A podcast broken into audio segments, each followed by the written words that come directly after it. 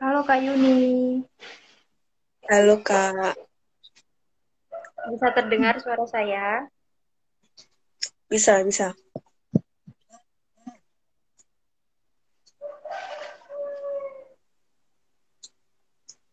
Langsung kita mulai aja ya. Baik, silahkan. Baik, Assalamualaikum warahmatullahi wabarakatuh. Waalaikumsalam warahmatullahi wabarakatuh.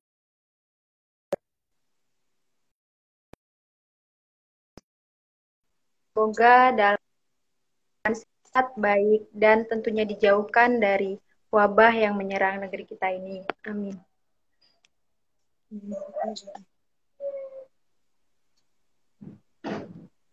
Pada sharing Kimo yang ke-11 ini, kita akan membahas tentang tema tips memanajemen waktu yang baik. Sebelumnya, perkenalkan Nama saya Rohmatul Hikmah. Saya di sini sebagai moderator pada sharing Kimo yang ke-11. Salam kenal semuanya.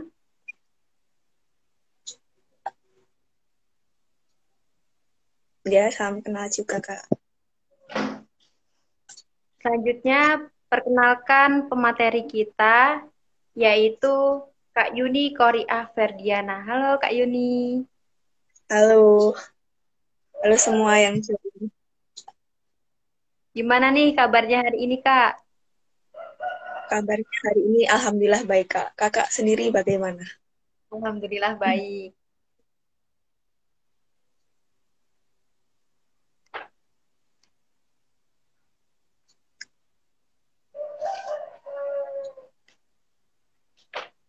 Halo Sobat Kimoners, gimana nih kabarnya hari ini?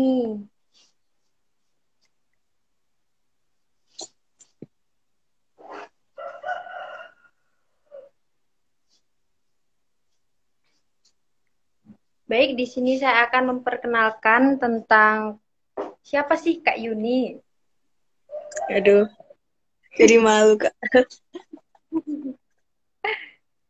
Kak Yuni ini adalah seseorang yang realistis saat menentukan target atau tujuan dan selalu berupaya keras untuk mencapai tujuan dengan menggunakan cara yang baik dan efisien. Keren. Pendidikan terakhir Kak Yuni atau yang sekarang masih ditempuh yaitu menjalani studi di Institut Teknologi Surabaya dengan program studi Sistem Informasi. Dan beberapa prestasi yang diraih, salah satunya yaitu yang di tahun 2021 meraih medali Perak Olimpiade AKM Literasi Nasional yang diselenggarakan oleh NICE by Indonesia dan menjadi perwakilan mahasiswa akreditasi ITTS dan perwakilan akreditasi program studi sistem informasi ITT Telkom Surabaya. Wih, keren. Wih. Belum keren, Kak.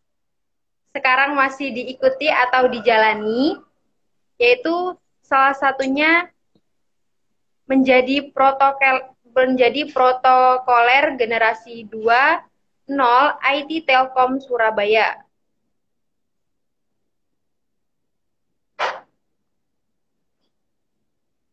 Dan sekarang menjadi anggota divisi PDD Panitia FL FSLDKD se-Surabaya Raya ke-10. Oh. Keren nih. Nah, selanjutnya sesi sharing atau pemateri yang akan disampaikan oleh Kak Yuni. Kepada Kak Yuni dipersilahkan untuk menyampaikan materi pada sore hari ini. Uh, baik, terima kasih. Uh, sebelumnya saya izin memperkenalkan diri. Perkenalkan, nama saya Yunikori Averdiana, asal Magetan, uh, kuliah di Institut Teknologi Telkom Surabaya, program studi Sistem Informasi angkatan 2020 dan sedang menempuh semester 3. Baik, izinkan saya memaparkan materi. Saya memaparkan materi tidak banyak-banyak dan ini kita seri santai aja ya, Kak. Iya, Kak. Benar sekali. Baik. Uh, ini tips berdasarkan pengalaman saya selama saya kecil sampai saya kuliah. Yang pertama, berdoa dan melibatkan Tuhan. Ini merupakan elemen utama untuk mengawali dan mengakhiri semua aktivitas apa pun di mana pun, agar mendapat ridho dan keberkahan dari Tuhan Yang Maha Esa dan sesuai kepercayaan masing-masing.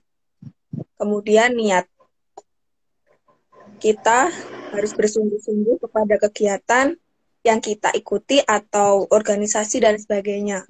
Kalau gak niat, gak usah join. Sebaiknya pikirlah terlebih dahulu sebelum memulai seperti itu. Kemudian, atur jadwal. Kita tulis semua kegiatan kita dari ujung sampai akhir. Mana yang lebih di skala prioritaskan dan benar-benar penting sekali. Ini bebas ya, mau dibuat kotak-kotak atau tabel sesuai selera. Kalau sudah, centang agar tidak lupa atau mengulang. Kemudian, gunakan waktu luang. Kita manfaatkan waktu untuk mencicil atau mengerjakan yang sekiranya bisa dan fleksibel. Bisa di malam hari atau kapan pun, yang penting tidak malas dan mager. Karena menurutku, malas dan mager itu faktor utama yang menghambat semuanya. Benar sekali. Kalau ya ya benar sangat benar sekali kalau orang Islam itu biasanya bisa di setelah sholat isya itu bisa dikerjakan sampai jam berapapun. Kemudian bisa setelah sholat tahajud mungkin jam tigaan atau sholat sesudah sholat subuh. Dan itu tergantung pribadi masing-masing sih mau kayak gimana mengatur waktunya dan yang penting pesanku jangan malas dan mager. Kemudian ini yang sangat penting sekali. Tanggung jawab. Sesibuk apa pun itu harus dikerjakan karena sudah diamanahkan kepada kita. Pasti semua orang itu sibuk dan sama. Jadi jangan menyalahkan pekerjaanmu karena itu sudah pilihanmu. Kata-kata Mary Riana yang saya sukai sampai sekarang, sukses itu tanggung jawab kita. Jadi semua itu usaha dan doa kita, mau begini saja atau bangkit. Jadi apa pun itu mau pintar atau mau enggak itu tanggung jawab kita sendiri. Kita mau berusaha atau enggak atau tetap di jalan yang seperti itu. E, kemudian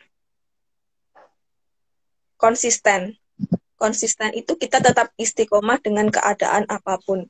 Istiqomah itu maksudnya kalau kita sedang males, mager, atau banyak pekerjaan, sakit, itu tidak menghalangi kita untuk tetap konsisten, tetap istiqomah dengan keadaan apa pun. Meskipun ada halangan yang seberat apa pun, atau cacian, makian, seperti itu, kita nggak usah pikirkan. Yang penting kita itu tidak merigu, tidak merigu, tidak merugikan orang lain dan berpikir positif untuk ke depannya bisa bermanfaat untuk orang banyak. Yang kemudian komitmen berpegang teguh pada pendirian atau bisa punya prinsip jadi diri sendiri. Nah, kalau teman-teman waktu Ramadan atau kapan ya pasti kalau di MNC TV itu ada uh, film Kun Anta. Kun Anta itu kan artinya jadilah diri sendiri. Yang di mana kalau saya tangkap ya dari film itu ada anak namanya Haikal, dia itu punya temen ada tiga geng itu temennya itu iri sama dia karena dia itu anaknya pinter, hmm. cerdas, banyak disukai temennya, banyak disukai ustadznya gitu kan. Sedangkan temennya itu nggak bisa kayak dia gitu loh. Terus dia itu seolah-olah jadi Haikal, menirukan gayanya Haikal gitu kan.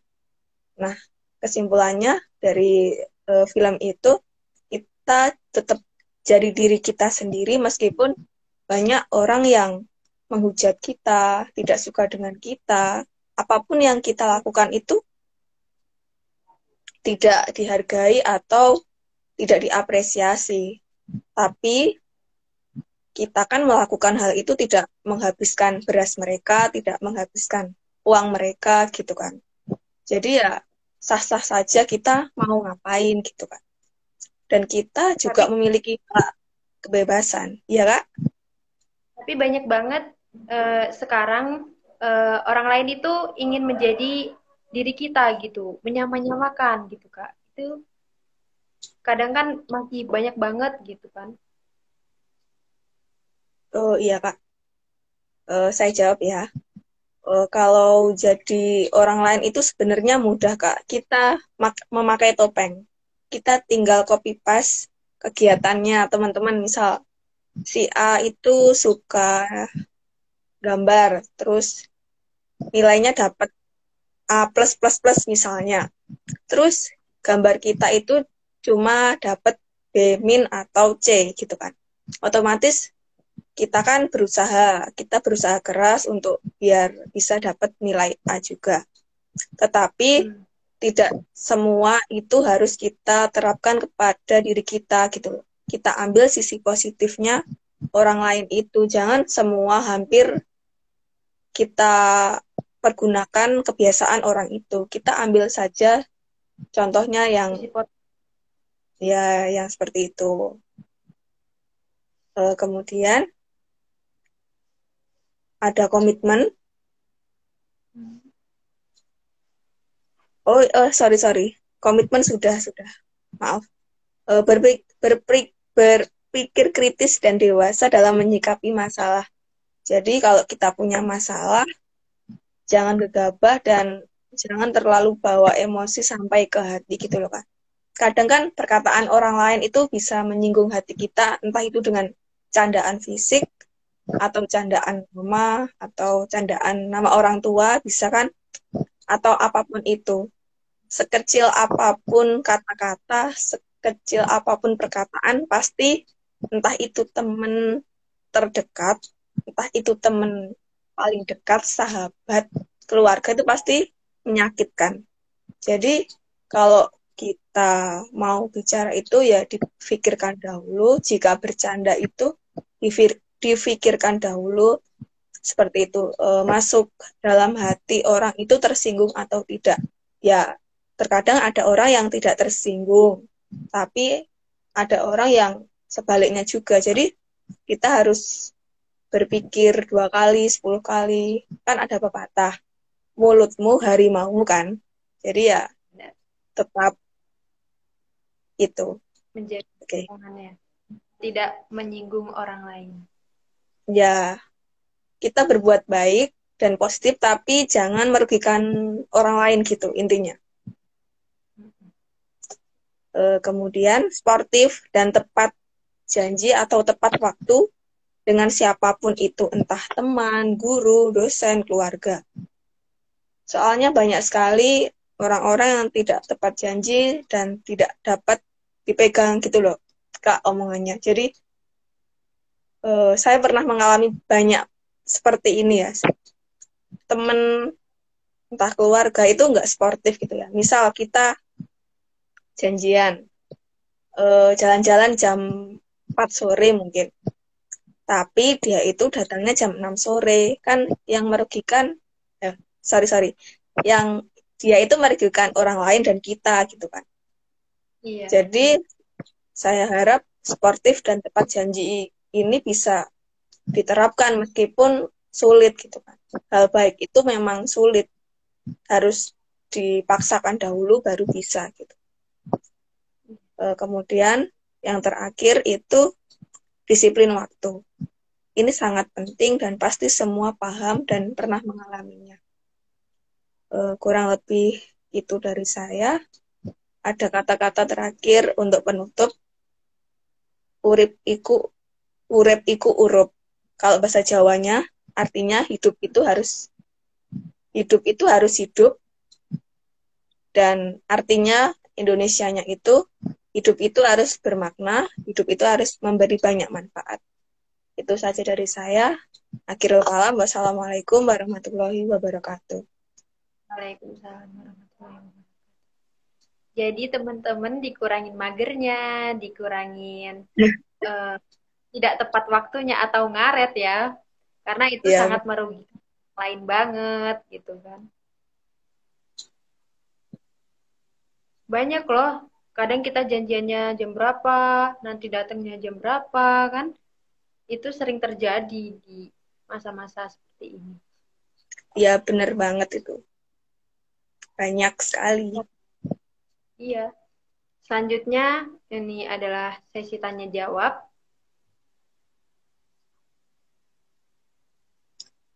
Sangat ramai ya IG-nya. Pak. Halo Sobat yeah. Simone. Halo. Selanjutnya yaitu saya tanya jawab. Di sini hmm, ada pertanyaan yang menjanggal nih Kak. Yang ya, ingin silahkan. saya tanyakan. Saya dulu ya. Gak apa-apa, santai. Kita sharing santai aja. Santai lah. Ini saya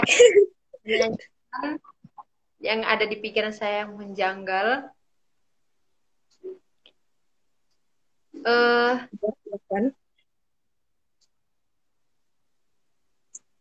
Gak usah dalam grogi. proses goals, tentunya kita mempunyai ups and downs. Bagaimana kalau kita sering menghadapi downs sampai meragukan apakah diri kita sebenarnya mempunyai value gitu kak? Hmm, baik.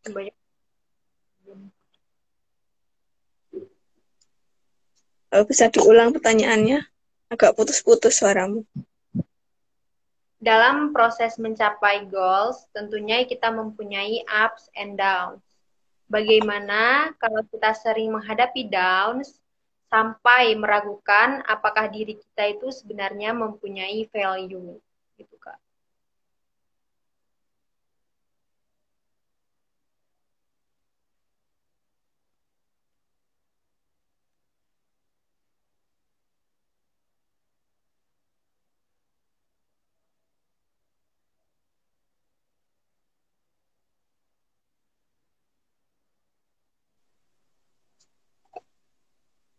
Iya.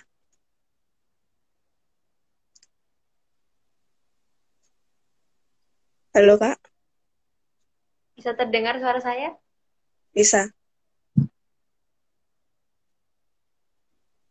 Jadi, dalam proses mencapai goals, tentunya kita mempunyai ups and downs. Bagaimana kalau kita sering menghadapi downs sampai meragukan apakah diri kita itu sebenarnya mempunyai value uh, baik. Sebenarnya semua orang itu punya keistimewaan dan kelebihan masing-masing dan memiliki value. Tetapi orang itu tidak menyadarinya gitu loh. Seharusnya e, mereka itu menggali potensinya dengan cara bergaul dengan lingkungan yang baik, berteman dengan teman-teman yang baik. E, maksudnya ya tidak pilih-pilih teman, tetapi